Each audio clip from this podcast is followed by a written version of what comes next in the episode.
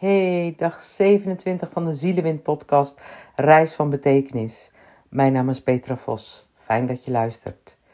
Ja, voor de oplettenden onder ons zei ik dat het gisteren ook dag 27 uh, was. Maar het is vandaag. Echt waar. En dit is een gesproken brief aan jou. En zoals het in al mijn brieven gaat, is het wellicht wat chaotisch en zonder structuur. En zo is het leven momenteel ook in onze wereld. En humor is absoluut belangrijk in alles wat we doen. In de mentale gezondheid zie je twee problemen: mentale gezondheid, depressie en andere ziekten. En mentaal welzijn. En mentaal, en mentaal welzijn gaat bijvoorbeeld over goed voelen, betekenisvol zijn. En bij gebrek aan mentaal welzijn voelen we ons ongerust, heel erg ongerust.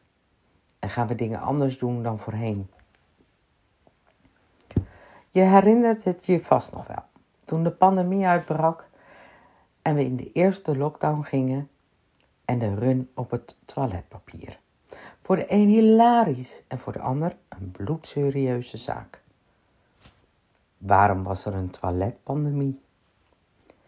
En je zag het fenomeen over de hele wereld gebeuren. Overal hetzelfde. Op het moment dat het brein zich heel erg ongerust maakt, is het alsof er een schakelaar wordt omgezet. De ongerustheid wordt veel te groot. Het duwt ons als het ware over de rand. En wat we dan gaan doen? Dan maken we een ander probleem, wat we zelf kunnen oplossen. Want we willen namelijk zelf bepalen of we leven als zijnde living on the edge. We ervaren een hoog stressniveau en de wedstrijd in ons gaat door. Je herkent het vast wel. Of je hebt, iemand ook wel, of je hebt het iemand ook wel zien doen in een andere context. Weet dat diegene dan een enorme stress ervaart. En hoe was dat bij jou? Ik heb wel de neiging gehad om wc-papier in te slaan. En ja, waarom wc-papier? Weet jij het? We willen ons allemaal op de wereld mentaal en fysiek goed voelen, waar we ook wonen. En zoals een arts tegen mij zei: een warm hart, een emotioneel hart en een fysiek hart. Er moet toch meer zijn in het leven? Wat ik zie bij de zorgprofessionals en alle die in de frontlinie werken, is dat ze een dubbele stress hebben over wat ze zien en wat ze horen. En de, en de stress van wat komen gaat en wat er nog niet is. Deze last van onzekerheid maakt moe. En dan ook nog de angst en zorgen over de eigen gezondheid. Stress wat gaat over leven en dood. Frontlinie chaos voelt onveilig. En ja, wat is belangrijk voor je eigen welzijn? Vraag om hulp, reframen, herkaderen van de chaos. Want er zijn geen zekerheden in het leven. Praten erover zorgt dat je je vooruit beweegt. Letterlijk. Je grenzen bewaken Manage your state.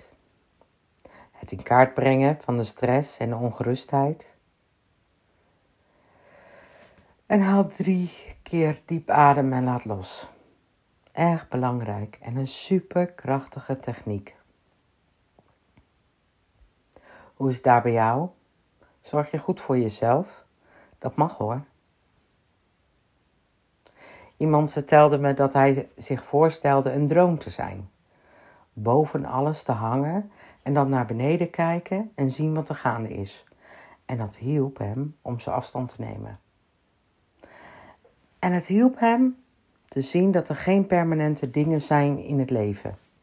Alles verandert en alles gaat voorbij. Een magic drone, dat lijkt me wel wat. Kun je ook wegvliegen naar nieuwe omgevingen? En die gedachte die maakt me blij nieuwsgierig en creatief de wereld ontdekken op een andere manier. Hoe is dat voor jou? Misschien kunnen we naar elkaar toe vliegen en elkaar zo ontmoeten. Hij vertelde dat het helpt bij het katergevoel op het level van gevaar en grenzen en dat hij zo zijn balans terugkreeg. Zo beheerste hij zijn eigen pandemiestress. Er waren nachten dat hij niet kon slapen, ook al was hij dodelijk vermoeid. De angst om te slapen en niet weer wakker te worden maakte dat hij zijn ogen open wilde houden. En het maakte hem gek tot hij bedacht dat een achtletterig woord hem in de greep had. Het beïnvloedde alles, zijn werk, slaap, sociaal leven, alles. En hij dacht terug aan de Magic Drone. Deze tijdelijke staat is geen constante conditie. En ik wil mijn normale gevoel terug en ik pak het terug met humor en de kracht van betekenis van woorden om die te veranderen. En dat deed hij. Want door de betekenis van het woord en alles wat erbij hoort te veranderen, voelde hij zich beter. Ook al was de situatie niet veranderd. Hij kon weer slapen, ontspanning zoeken, ademhaling veranderde. Hij werd zich bewust van wat er in zijn lichaam gebeurde.